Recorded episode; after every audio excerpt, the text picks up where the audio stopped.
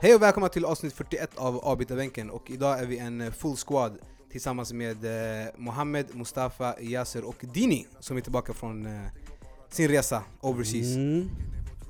Vad händer Dini? Det är bra. Är det Finemang. bra? Är det lugnt? Det är bra bror. Inga fler resor planerade snart eller?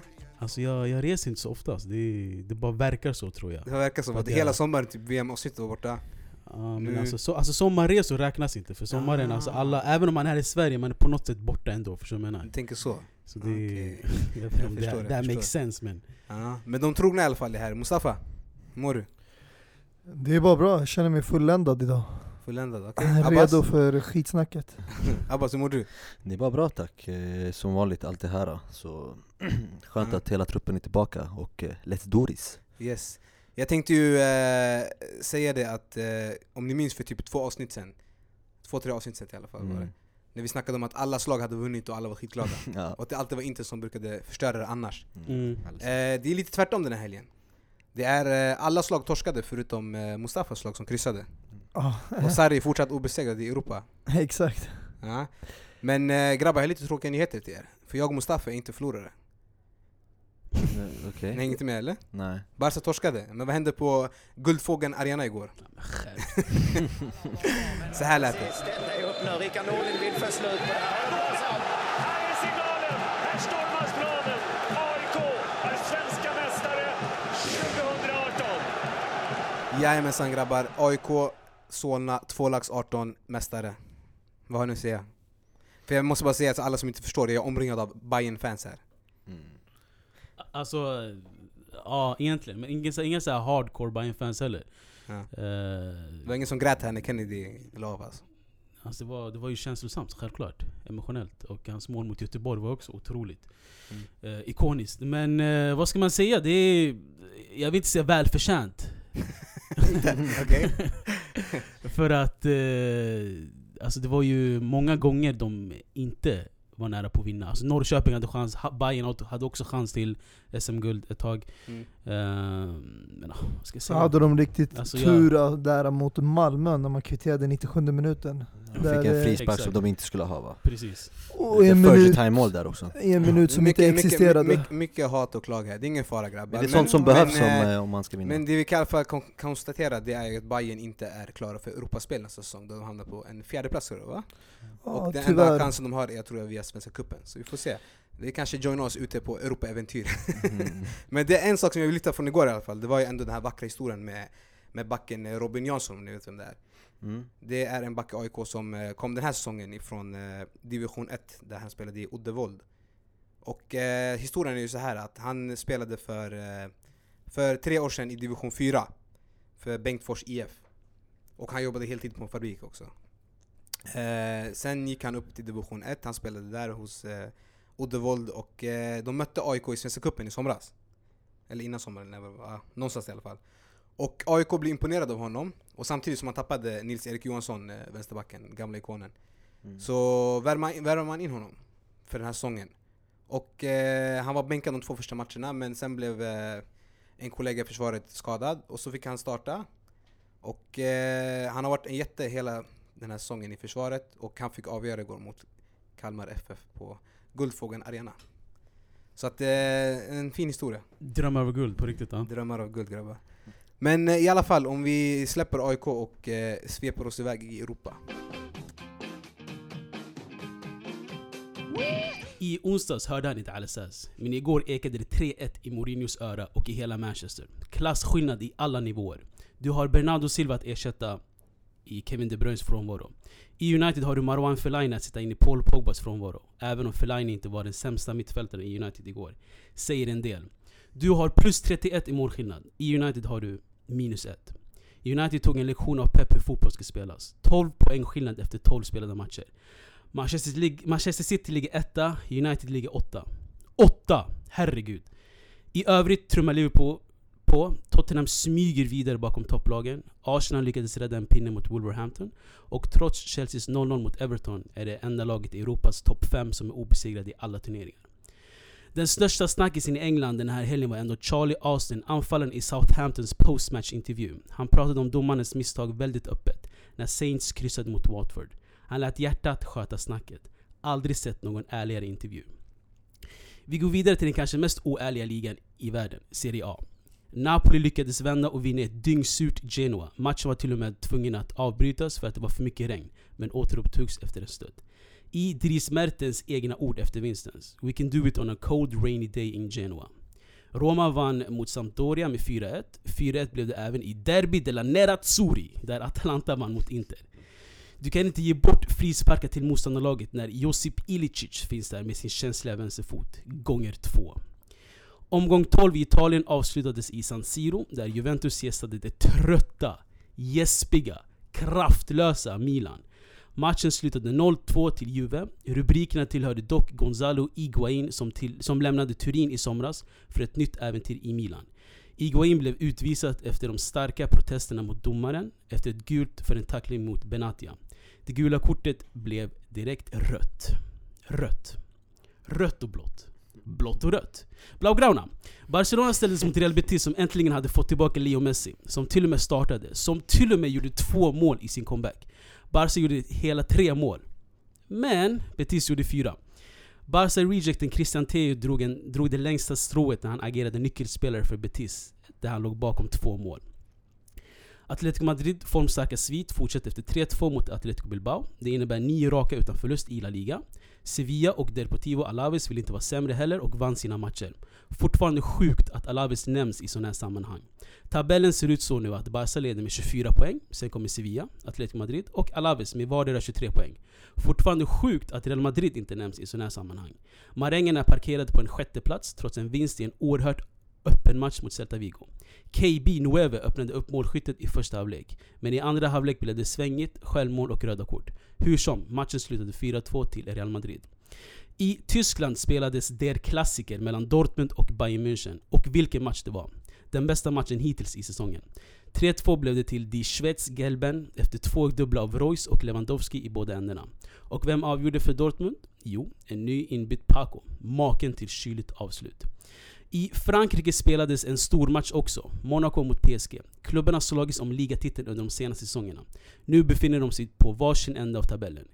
PSG visade prov på sin dominans och körde över Monaco fullständigt. Det ser inte ljust ut för Titi Henry.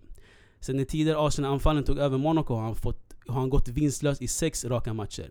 I tisdags förlorade laget med 0-4 mot Club Brugge i Champions League och har efter kvällens förlust 0-8 på de två senaste hemmamatcherna. Monaco ligger näst sist i Ligue Ö med blygsamma 7 poäng efter 13 omgångar. Samtidigt har PSG vunnit samtliga 13 ligamatcher och har därmed inkasserat 39 poäng. De har en marginal på 13 poäng till, ner till Lille på andra plats i Ligue Ö. Vi avslutar den här händelserika helgen ändå här hemma. Efter många om och men knöt AIK ihop guldsäcken med en 1-0-seger mot Kalmar på Guldfågeln Arena. Klubben tog därmed sitt första SM-guld sedan 2009. Förlåt Martin, 2 lax 9. Hur som, grattis AIK! Yes Dini, om vi ändå är kvar hos dig och pratar lite om eh, Manchester-derbyt igår i staden Manchester där City återigen visar vilka som är storebror i staden. Vad eh, har du att säga om matchen? Alltså jag eh, låter inte påverka mig om jag ska vara helt ärlig. Okej, intressant. Ehm, det är en match där eh, vi som sagt blev eh, piskade av City. Minst sagt. Ehm, och eh, jag vet, alltså grejen är jag, jag eh, förstår mig inte på Mourinho. Det är ju det. Återigen. Ja, tyvärr. Det är, det är ju det. Grejen är alltså, med ett mittfält med Matic, Fellaini och Ander Herrera vill vi spela kontringsspel, men har vi inte någon, någon motor som kan eh, fördela passningarna. Ehm, och samtidigt så, eh, jag vet inte, grejen alltså, efter den här vinsten mot Juventus blir folk blinda. Eh, och det, det är som det är liksom, jag vet inte vad jag ska säga. Ja, i alla fall det vi kan konstatera det är ju att United återfinns på en åttonde plats just nu. Eh, och är likt Hammarby, ditt andra lag alltså, utanför Europaspel till nästa säsong. Så att, eh, Dini, Efter 12 spelade matcher kan du konstatera det just redan, nu så här, just nu, men det ser inte ljust ut för er i framtiden att slå er in i, i topp 4 eller topp 5 för den delen. Eh, Abbas, Vad har du att säga om yes. eh, Manchester-derbyt? Nej men alltså jag, jag fattar inte varför många är förvånade alltså Inte över eh, Uniteds spel utan att många blev förvånade att City vann matchen. Alltså det är väl en självklarhet, de ska vinna matchen mot United. Eh, Dels för att de spelar mycket, mycket bättre och de är mer organiserade. Förutom det, och det här är ingen bortförklaring, men City de kör ju bara Premier League just nu, för jag räknar inte Champions League eh, som ett eh, liksom, eh, som, som att det skulle vara svårt för dem att gå vidare från den där lätta gruppen. För dem är det bara vet du, det, Premier League, och de behöver bara satsa på Premier League. Eh, Dock så är det som sagt inte en bortförklaring, men det var också Citys hemmaplan. Alltså, ett, eh, om United ska gå därifrån med en poäng, det, det är väldigt, väldigt positivt. Så Mm. Alltså, så, alltså, så lätt, vänta, jag säga, så lätt grupp har de inte i Champions League ändå. Det är Shakhtar Donetsk och Lyon, och vem är, vilket är det fjärde? ja, Hoffenheim va? Hoffenheim. Exakt. Som City hade stora problem inte. med att vinna bortaplan. De och avgjorde... förlorat mot Lyon. Ja, det är pinsamt Ja, så Mer, det, alltså, det, det, de bra. har den lättaste gruppen enligt mig, förutom den, den dödaste Den gruppen här av alla Porto, Ja, förutom den, Moskva. såklart. Men grejen är, det är absolut inte tre enkla eh, lag. Alltså, lag. Alltså han Vi vet ju, att, vi vet att Shakhtar Donetsk är ett lag som alltid parkeras i Champions League och alltid liksom eh, storlag har svårt mot dem. Mm. Eh, Lyon med spelare som Memphis Depay och Nabil Fekir f- förstör lag liksom. Burton Traoré. Ah, okej, om det får- alltså, det, alltså Och ja, de jag, hör vad du säger, lagen i sig är stora och har visat det förut ja, Mustafa. tidigare säsongerna Men nu, alltså vi såg ju bara nu hur mycket vann City på bortaplan mot Shakhtar? Hur mycket var det?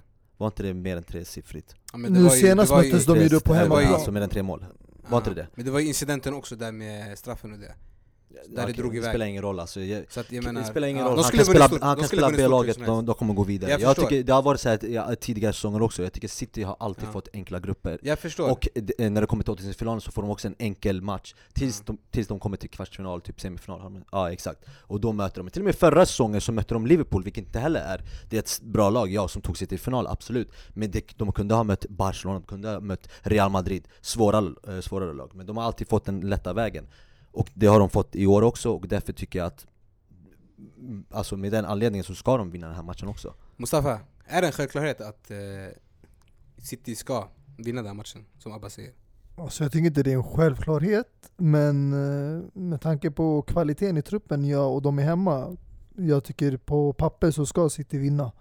Men eh, man får inte glömma bort att United saknade Pogba. Och vad än folk säger om Pogba, hur han har presterat den här säsongen, så är han fortfarande en av Uniteds bästa spelare. Det är en stor skillnad att spela med Fellaini eller Herrera istället för Pogba. Även hur eh, dålig kanske vissa folk tycker han är. Jag tycker han har gjort det riktigt bra de senaste matcherna och han har varit en eh, viktig ja, figur för United när de har vänt matcher i ligan och nu senast mot Juventus. Sen bara för den här förlusten betyder det inte att eh, ja, man kommer hamna långt ner i tabellen och dra en för hastig slutsats. Jag tror ändå United kommer klättra tillbaka till topp 4 men det kommer ta tid att reparera de här skadorna som skedde i början av säsongen där de tappade ja, mycket poäng mot bottenlag som eh, Ja det är jobbigt att ta ikapp det för att de andra lagen nu ligger eh, ja, ett stort steg före. Alltså, jag sa tidigare att, eh, att jag inte förstår mig på Mourinho, och egentligen det är City är ett mycket bättre lag, absolut. Men Mourinho säger emot sig själv. Han, han säger att han vill spela kontringsspel, men som, som jag sa, vi har ingen spelare som kan börja det här kontringsspelet. Vi vill spela långt, men vi har ingen target-spelare i den positionen. Fellaini of course, men han är långt nere i, i spelet. Uh, vi pressar, men det finns ingen plan bakom pressen. Alltså vi, vi, och sen försöker vi inte ändra vårt problem förrän 70 plus minuter. Uh, vårt anfall, det är sönderdelat som vanligt och vårt mittfält är tandlöst och utan Pogba. Så uh, City möter ett dåligt lag helt enkelt. De möter Shakhtar Donetsk. Men du är lite hård alltså, mot United tycker jag. Alltså om vi bara kollar på eran elva. Ashley Young till att börja med, han är inte en renodlad ytterback. Han har spelat, förra året spelade han vänsterback när Luke Shaw var borta. Nu spelar han på en helt ny position, högerback. Och innan det har hela hans karriär baserats på att spela vänsterytter och högerytter i den offensiva delen. Så Men- bara där, du har en spelare som i grund och botten inte är bekväm med den posi- eh, alltså positionen. Det är egentligen Antonio Valencia som har varit nu skadad de senaste veckorna. Du har Marouane Fellaini som har precis kommit tillbaka från skadan, gjorde nyligen inhopp med Juventus, som får starta. Och Mourinho gick ut själv och sa att han var inte redo för 90 minuter. Och du har en Jesse Lingard som också nyligen kommit tillbaka från skadan efter att ha varit borta i vad är det, en, två månader. Och gjorde inhopp eh, i, eh, mot Juventus och innan det så var han eh, start eller gjorde inhopp mot Bournemouth när man vände och vann. Så det är många spelare som i, har varit skadade och sen andra spelare som spelar i en Jo, annan jag position. Förstår, jag förstår, men det är ingen, alltså, det är ingen ursäkt på det sättet. Och jag, jag tror när du nämnde ytterbacksposition, egentligen ytterbacksposition i dagens läge, det är, det är en position som har blivit ännu mer alltså, dimmer och dimmer. Alltså, man kan inte sätta fingret på vad en ytterback är egentligen. Alltså, det är en, en mix av en yttermittfältare, eller en mittfältare som, som inte har lyckats, som har tagit ner till yttermittfältare. Alltså, vi har sett eh, Lukas Vasquez spela som eh, högerytter. Vi har sett eh, Cancelo som egentligen är ytter får spela eh, ytterback. Så grejen är, den positionen, Sergio Roberto. ja Sergio Roberto som är mittfältare. Men de här, det du måste förstå, de här har skiftat till andra positioner Ja, tidigt i karriären. Ashley Young gjorde det här i slutet av sin karriär. När han har spelat den största delen av hans karriär på en helt annan position. Om du gör det som Bale gjorde till exempel tidigt i karriären, han var vänsterback. Och när han var i sina unga dagar i Tottenham så flyttades han fram till en offensiv. Det är en annan grej. För då började de anpassa sig till en ny position och sen spela där eh, flera år framåt. Men den här Ashley Young, det är bara en tidsfråga innan han blir såld av United. Hamnar i ett bottenlag och sen kommer han pensionera sig. Och då har han pensionerat sig som en vänsterback, när han har hela sitt liv, fram till 30 år, spelat som en offensiv mittfältare. Det är som att Messi ska plötsligt börja spela vänster eller högerback. Och sista året av hans karriär slutar som en back, när han har varit hela hans karriär en anfallare. Nej, alltså det enda jag säger bara är att City mötte ett sämre lag. Som, som de ska vinna mot. Ja tack, det är Ja. sant. Innan vi lämnar eh, City United-matchen, jag tänkte bara Abbas, du såg Sterling sista minuterna när han stod och Mm. överstegade och sådär. Han fick ganska mycket kritik efter matchen. Bland annat Guardiola också, själv som sa att eh, han tyckte att han inte borde göra så. Vad tycker du? Är det bara osportsligt eller tycker du att det är ja, inte värsta grejen?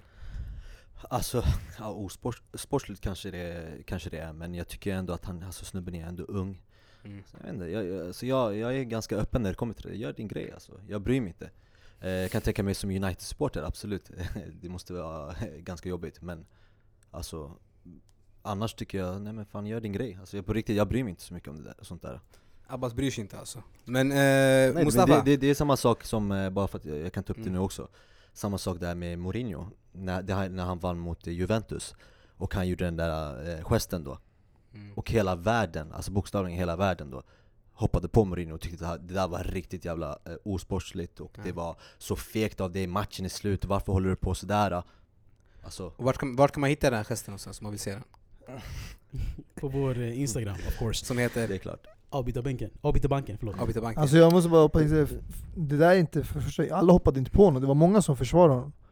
Bland annat eh, Gary Neville och Exakt. Carlo Ancelotti i sin intervju i Napoli, Ja. de sa att det är förståeligt Nej, men det där var han, Det är han, förutom han, dessa han, han grabbar. försvarade Exakt. Mourinho snackar ni om nu. Ja. Ja exakt, Nej. Ancelotti, de Förutom- frågade om honom. Förutom Ja. dessa grabbar som, exakt, Ancelotti eller Ja. Spalletti gick ut och, och sa det där Exakt. också Eller Neville Det är i alla fall tänk- no, folk som har någon, Absolut. någon koppling till Mourinho Absolut. Men de andra resterande, då menar jag i i princip hela världen, svenska eh, experter, utländska, alltså med experterna också Mm. Vad ska, Alltså, alltså, jag tänker bara på det här som vi snackade om förra veckan med osportsligt beteende, gula kort och sådär. Det här är ju, vissa kallar ju det osportsligt beteende. Nu, jag tycker det är lite drarigt att kalla det osportsligt men det är Sterling Men eh, att han- Mourinhos gest Nej, eller Sterling, Sterling? Sterling snackar jag om. Men alltså, Du menar slutsekunderna Alltså, när de håller på att spela i kanten Ah. och eh, de fick du, massa Alltså han fick olé. ju kritik för det efter. han fick Ja. kritik från sin egen tränare Ja. som vill att de ska vara effektiva. Men det Nej, är nej. ingenting med osportsligt att för att när du spelar och alltså matchen är igång, du får göra vad du vill, du har fritt. Jag kommer ihåg i United, Ja. när Ronaldo hans unga dagar, han satt och gjorde samma sak mot Eboué i Arsenal, på kanten, du minns? Mm. Han, och Balotelli när han spelade i. Nice, när de vann PSG, de ledde 2-1 Han höll på Mm. också sådär och sen hoppade Matuidi och några andra på honom Alltså det är många som har gjort sådär när de leder i slutminuterna De försöker ju döda tiden vid hörnkanten, så vad gör man? Ska du bara hålla i bollen och tycker vissa gillar att göra lite översiktsfinter och dribbla och skämma ut sin motståndare Mm. och som jag sa, det är, för det mesta så är det unga spelare, vi såg också Mbappé i VM då, mot Belgien, göra samma sak, att han höll Mm. bollen och höll på sådär Jag som är en, eh, så här, ganska öppen och inte hejar på något av liksom, eh, lag sådär tycker att det, det är roligt alltså. Jag, jag tycker att det är roligt, eller så här, ah, det är inte värsta grejen. Ja. Det är det jag försöker komma fram till. Men till de här, jag vill bara komma tillbaka till de här eh, Mourinho-hatarna. Ja. Fuck dem. Oh shit. Ja, helt ärligt. Okej. Fuck dem där. Jag var inte alla- beredd på det där. Nej men helt Ja. ärligt, dels för att, ja, som alla vet, jag älskar Mourinho och allt det här Men dels för att de här är riktiga jävla hatare För att, man, för att Mourinho kanske, de gillar inte hans eh, spelsätt Och för att Mourinho är en, eh, Fast, sån... fast ja. Nej men förutom inte bara det, att han, har Ja. en sån, att han är en sån person, alltså Ja. personlighet Att han har en Ja. sån stark personlighet och när han väl eh, får alla emot sig så vinner han ändå. Det här var då för, eh, förut, men nu när, de, när, han, när inte det går bra för dem eller för Mourinho, så Mm. ho- hackar de på honom och hoppar på honom hela tiden. Mm. Och det är därför den här gesten är så jävla viktig. Att han gjorde den, alltså jag, det är såhär, ja vad säger ni nu? Förstår du? Alltså, alltså, det var, inte förlorade- som att, det var inte som att han tog en övertygande seger om vi säger så. Nej, nej, det spelar ingen roll, Han- att du vinner borta mot Juventus, Det är inte alla stort, lag det är stort, det är Ja, stort. ja. Och jag tycker, jag som också är neutral, jag tycker det var roligt bara hela grejen. Ja, för att, alltså, han ska inte vara sådär glad för den här vinsten, om du förstår vad jag menar. Alltså vi ska vara Men- glad för den. Och att du har fans, och att du har fans som hackar på dig 180 minuter Ja, det var kul. Förutom Jag den historien som han också jag förstår har med dem. menar, jag förstår vad du menar. Hela det här spelet runt fotbollen, det är kul. Låt Ja, oss bara poängtera en sak här, att innan den här matchen Av alla matcher Juventus har spelat den här säsongen, de har vunnit allihopa förutom en Både i Champions League och i ligan, som de spelade oavgjort mot Genoa Så det här var deras första förlust Ja. den här säsongen Absolut. Och alla vet att Juventus är en av de bästa lagen när det kommer till den defensiva delen Bonucci, Chiellini, Barzaglia, i hela försvaret Mm.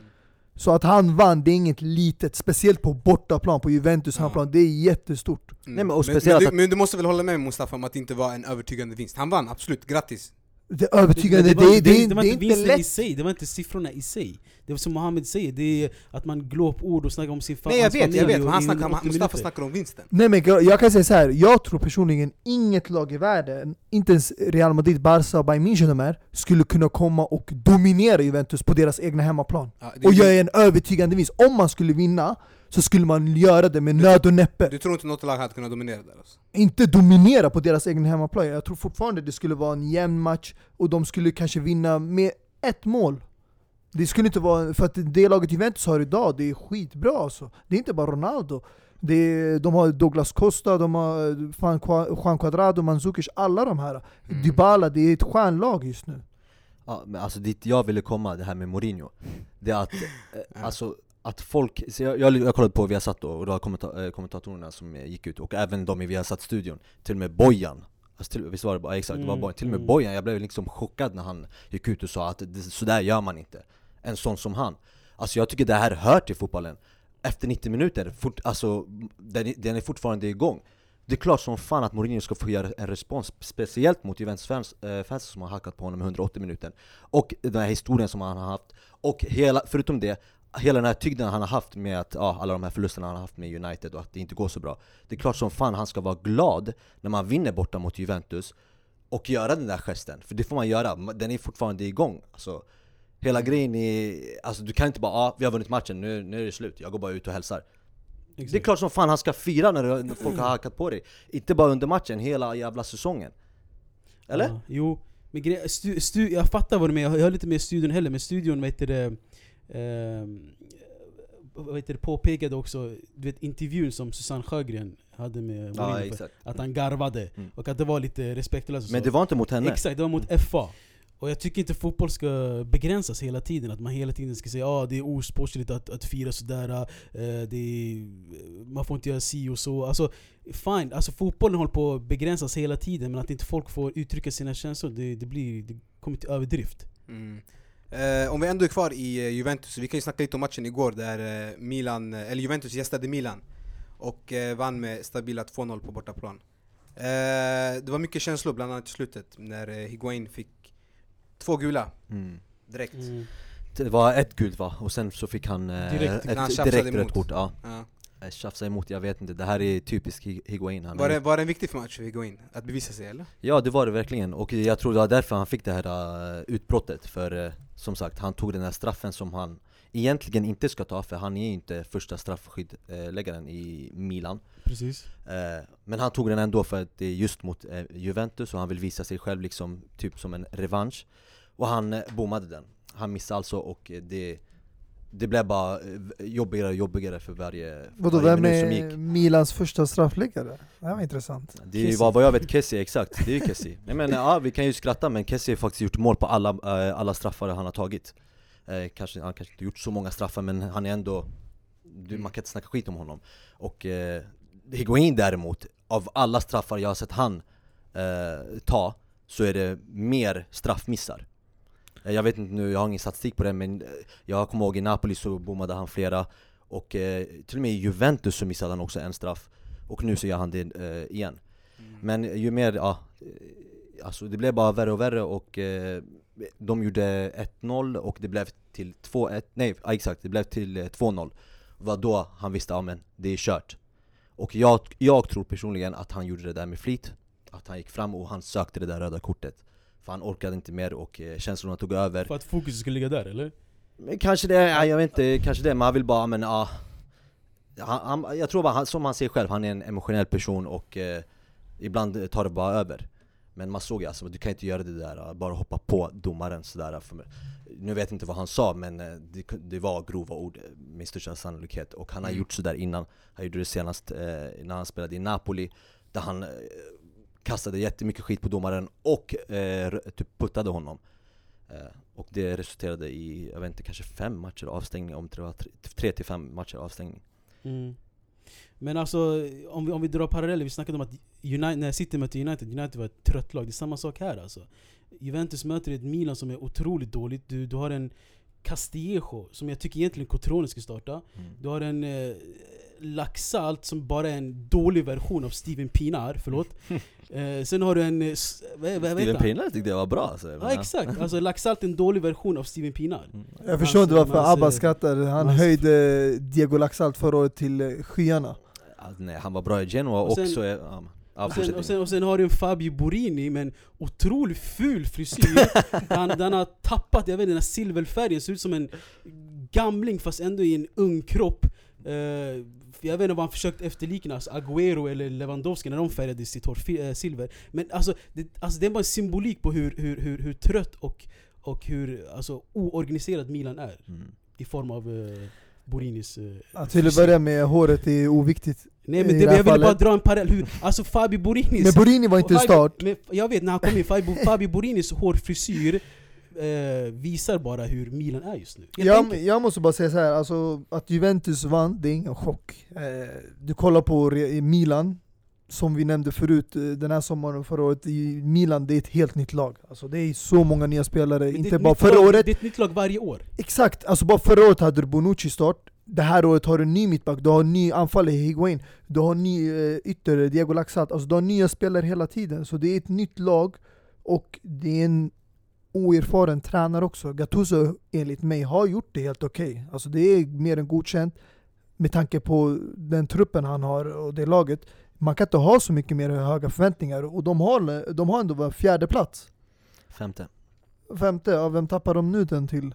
De har inte tappat den någonting, det är Lazio som eh, ligger fjärde Nej, Lazio körde ju oavgjort. Ja, de har Ja, de hade lika mycket poäng innan. mm. Exakt, så jag tycker det är ändå inte så illa och du kan absolut inte jämföra med United. man. Nej, United det köper spelar ingen roll, spelare alltså- för summor och ni har ett bra lag, alltså mycket bättre kvalitet. Men eh, skillnaden är att City är mycket bättre än Juventus och det är därför båda åkte på stora förluster. Ja, men alltså jag menar bara att det finns ingen, det finns ingen idé eller logik bakom eh, alltså Milans eh, lag. Alltså, för Juventus till exempel, Juventus har en spelidé i mittfältet till exempel. Du har tre stabila, alltså eller två stabila vattenbärare, sen har du en spelare som får spela lite fritt. Men här när du har ett mittfält på Kesi och Bakayoko, vad händer bra? Ja det är, det är det som är problemet i Milan också, alltså spelarmaterialet det är inte, det är inte på topp alltså i många fronter alltså. Men- vi ser nu, alltså det spelar ingen roll egentligen alltså visst, Juventus har mycket bättre spelare på pappret Men det är ändå Milan mot Juventus, det är i San Siro Mm. Och det kunde ha blivit 1-1 om Higuain gjorde det där målet, men han gjorde inte det Och ja, det är klart det blir tufft men Vet du vad eh, det ironiska är med allt det här? Att allt det här kunde hända och de hade inte sina bästa spelare på planen. Alltså de hade inte Bonaventura, de hade inte Lucas Biglia, de De hade inte Musacho, Zapata, det var så länge sedan jag såg honom. Jag tror senast jag såg Zapata spela, det var nog bredvid Mexes, eller Al Al Han Alex. spelar, han spelar, han har Det var Romagnoli som spelade han bredvid spelat Bonucci. i, Han har spelat i Europa League. Nej men vad jag försöker säga, ja Europa League, men jag snackar Serie A nu. Alltså vad jag försöker säga, det här är liknelsen du kan ta med United, att Milan saknade många nyckelspelare.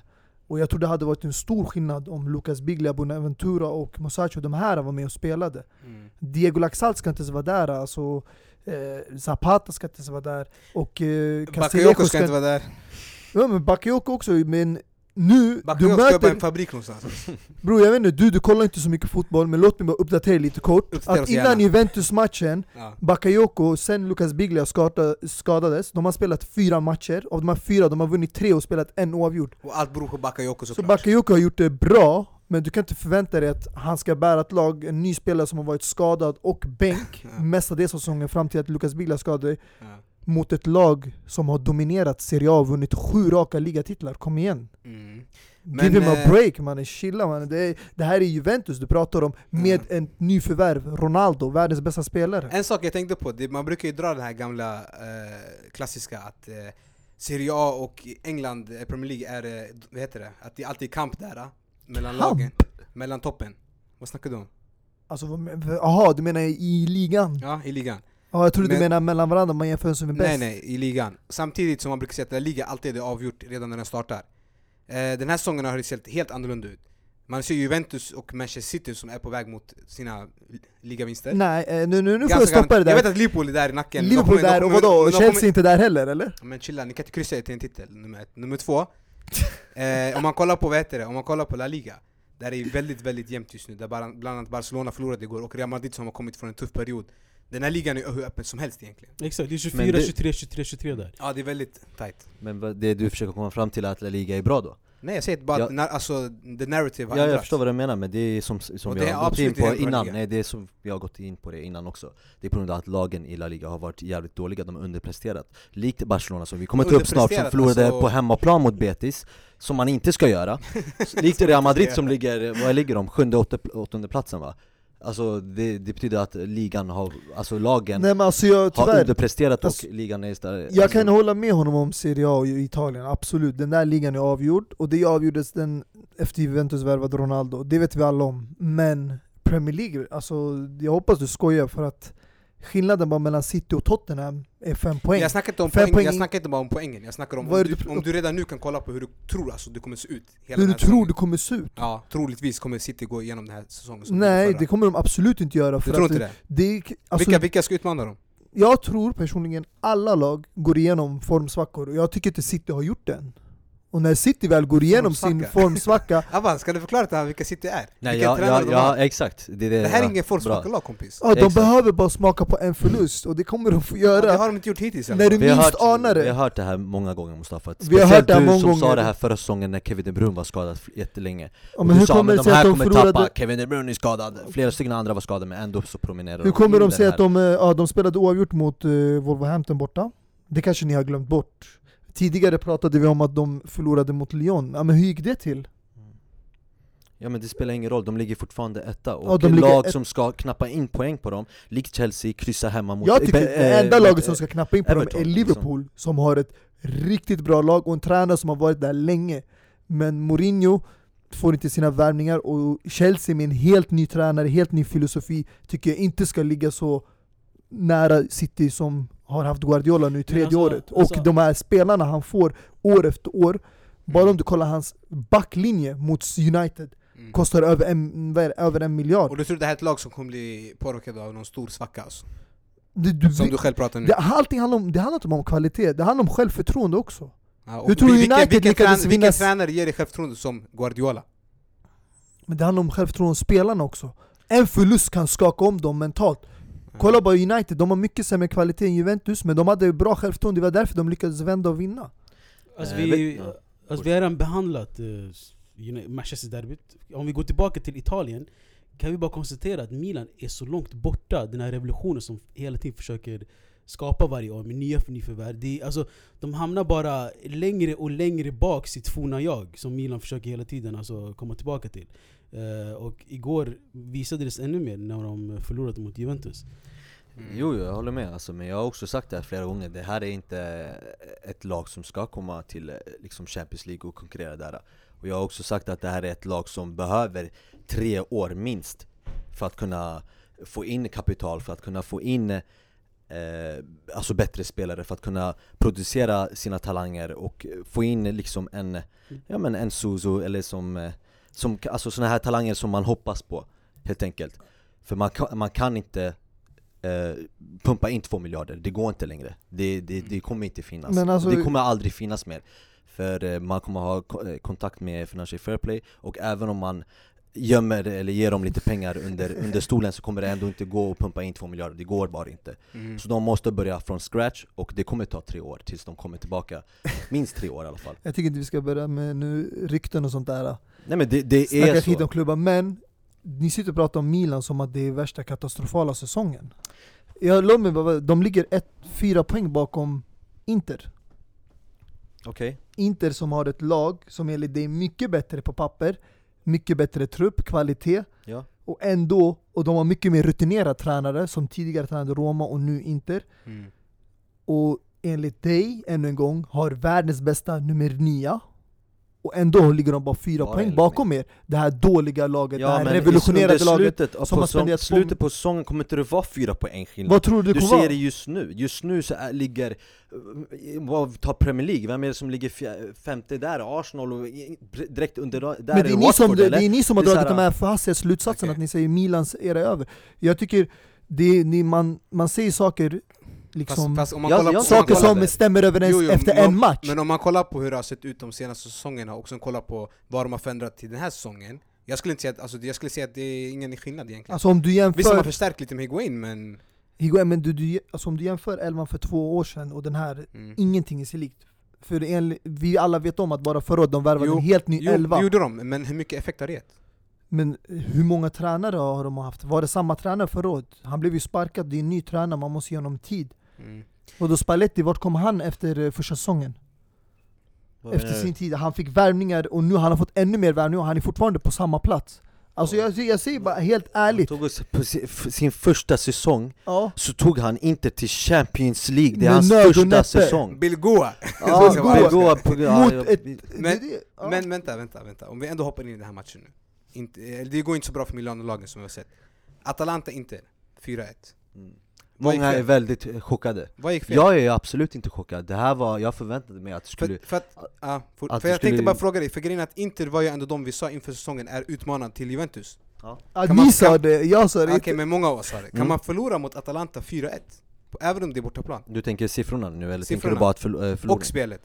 Eh, Det ska stå 5-0 Ja, första helt Nej, Atalanta alltså, om- om vinsten. Ja, Atalanta förtjänar vinsten till fullo, alltså, absolut. Det håller jag med om. Men sådana här matcher kommer ske. Och eh, vi, alltså, att spela borta mot Atalanta när de har sin fulla trupp, och speciellt ett eh, Inter som har spelat alltså, var, var, var, tredje, var, var tredje dag, som har kommit från eh, en match där man mötte Inter, eh, vill säga Barcelona, där man har sprungit Medan eh, Atalanta bara har kunnat vila, och som är ett energifullt lag som bara springer hela tiden. Det är klart som fan man blir trött. Och Inter, eller Spalletti, man kan ju blamea honom också. Han roterade ju, han roterade ganska mycket men ett, när man möter ett lag som Atalanta, du ska inte rotera. Du kan inte köra D'Ambrosio, du kan inte köra eh, Gagliardino och bänka eh, Nainggolan Även fast han ska vara bänkad i och med att han är, kommer tillbaka från sin skada. Men han körde på ett sätt som, inte, som man inte ska eh, köra med när man möter ett lag som Atalanta.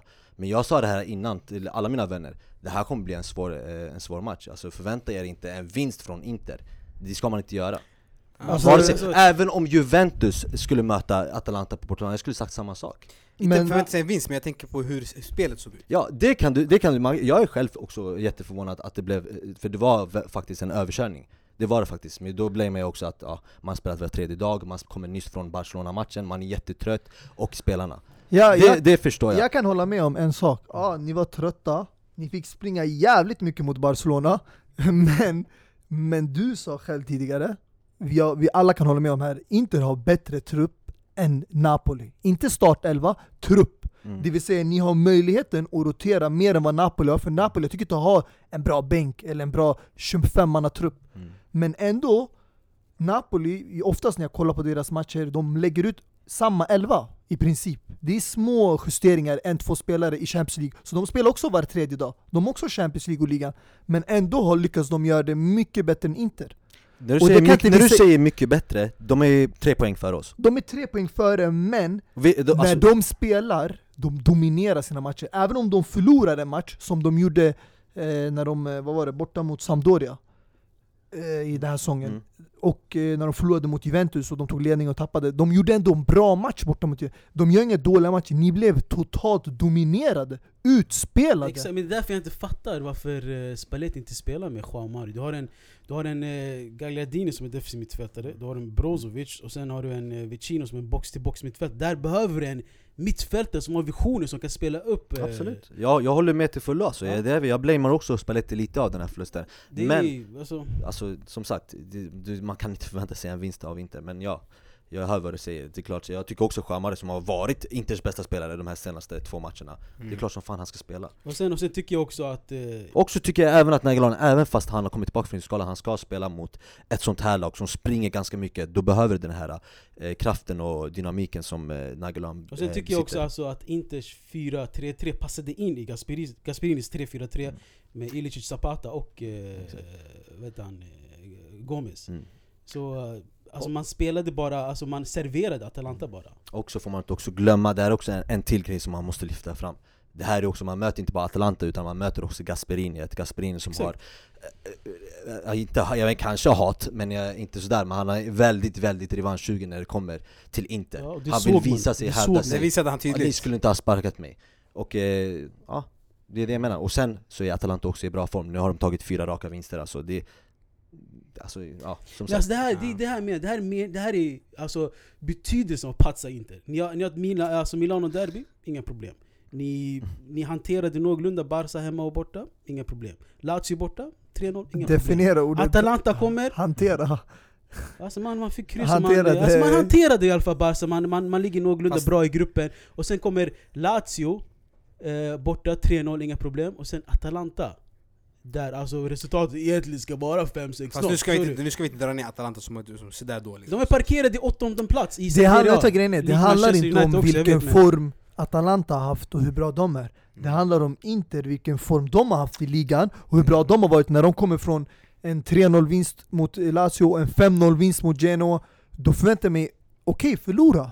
Det är okej att förlora någon då borta. Ni är inte bästa laget i Serie A. Det- Jag blir inte chockad. Men förlora 2-1, 3-2, 4-1 och det är alltså spelmässiga som jag fick se, för jag kollade matchen, det var chockerande hur man blev utspelad. Alltså det kunde ha slutat i 6-7 mål för Atalanta. Och eh, Abbas, jag ska inte låta dig vara ensam i det här, för det känns som att alla hoppar på dig just nu. Exakt, så jag Eh, tycker om från blå-svarta, vi går till de blå-röda. Exakt, eh, där Barcelona tappade sin eh, 42 matcher starka hemmasvit i... Eh, eller förlåt, eh, överhuvudtaget matcher i... Eh, nej förlåt, hemmamatcher var det såklart. 42 stycken hemmamatcher som man inte har torskat.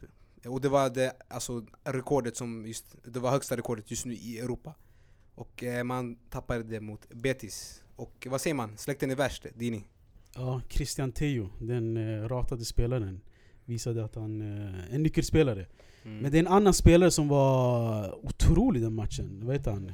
Lo Celso? Ja, exakt, han jag vill också nämna alltså, han är ju På! Jag är de matcherna jag har sett alltså, han är ju riktigt jävla du, eh, alltså duktig. Jag fattar inte hur han inte slog sig igenom riktigt i PSG och varför han av alla lag gick till Betis. För Precis det var ju flera ja, större lag som eh, ryckte i honom men Mm. eh, Han valde tydligen eh, det bästa alternativet. Eh, Och det var Betis och nu visar han varför han är eh, Hur bra han är liksom, för han, han gör ju inte bara assist utan han gör ju mål också Precis, och alltså hela första halvlek det var, det var Betis alltså. Det var Joaquin och grabbarna som, eh, som styrde och ställde Man hade Messi tillbaka men eh, det verkade inte som att det gav dem en förtjänst Mm. Och eh, här skulle jag säga i alla fall att problemet är rotation. Där Valverde vägrar rotera. I alla fall i mittfältet.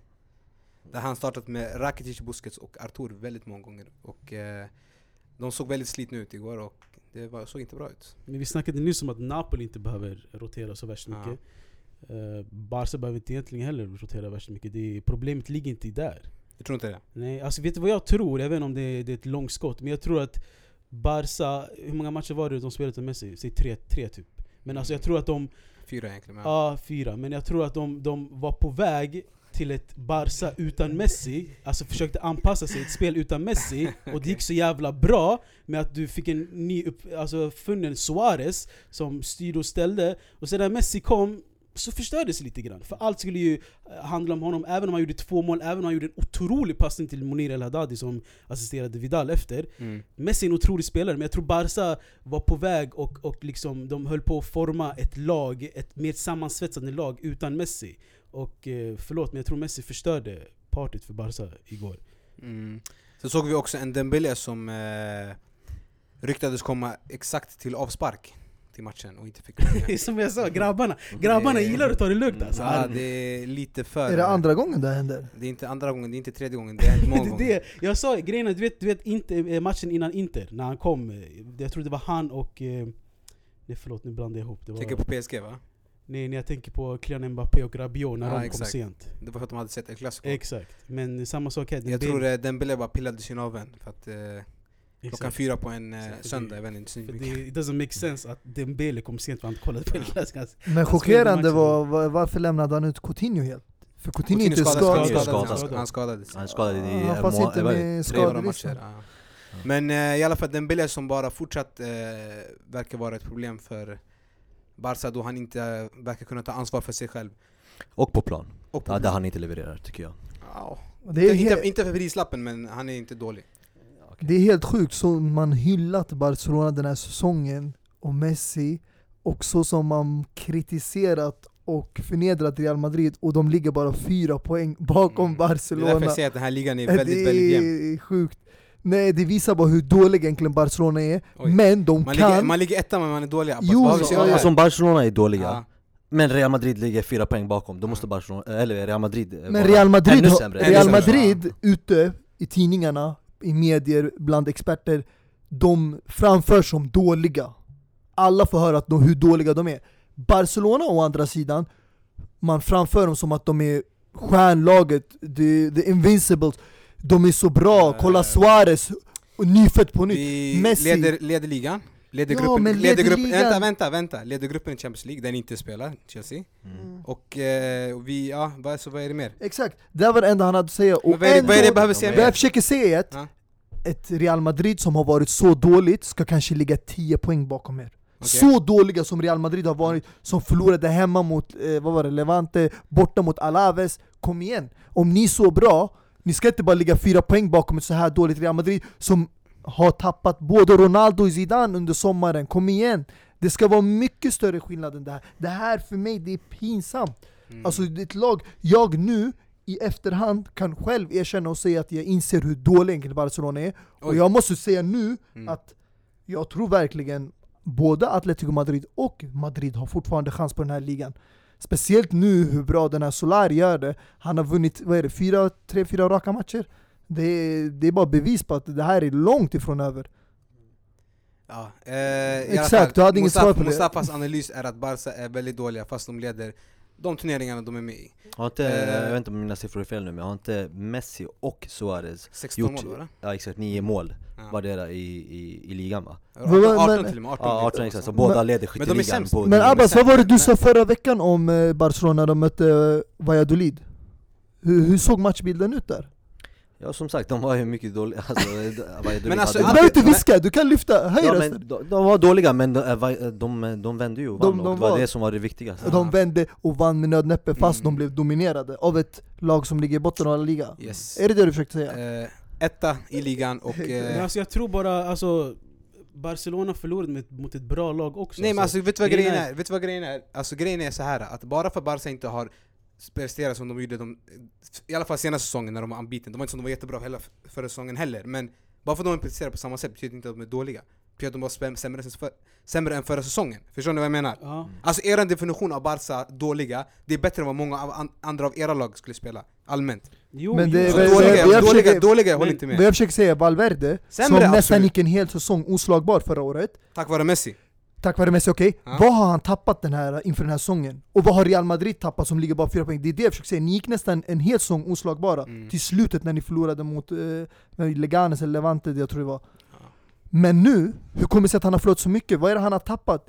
för enligt alla Barca-fans, dig och andra som vi har träffat och pratat, så har Barcelona fått en mycket bra trupp.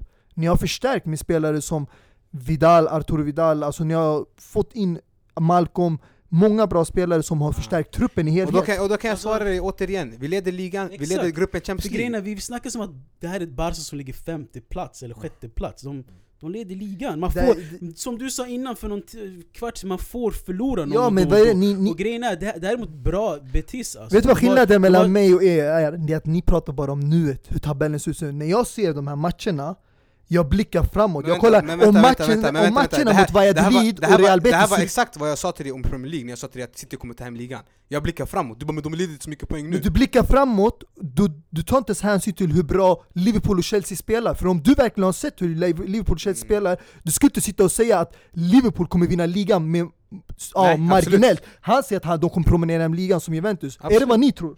City alltså Tror ni också det? Jag tror City Du tror de kommer vinna ligan. kanske med 10 poäng över Liverpool? Nej det har jag inte sagt, Och vad tror du? kommer vinna, tror du det kommer vara en stor skillnad? De- Jag tror det kommer vara jämnt till slutet? jag, jag tror att City, eh, att City kommer vinna komfortabelt, det tror jag absolut och jag, Komfortabelt, alltså vad betyder det? jag menar att, ingen kommer, att Liverpool inte kommer eh, ta över första platsen eller Chelsea för den delen heller De kommer vinna komfortabelt Med det sagt, de har, det, det, det de har visat nu, de här, hela den här eh, början av säsongen Att man vinner 6-1, 5-1, bara fortsätter och eh, ett 3-1 mot Uniteds vilket var inte så, alltså värsta Mm. Det kunde ha blivit mer liksom. Och de kommer fortsätta på den här vägen, jag tror inte Chelsea kommer kunna eh, hota dem på något jävla vis Även fast ni bara har eh, ligan att spela.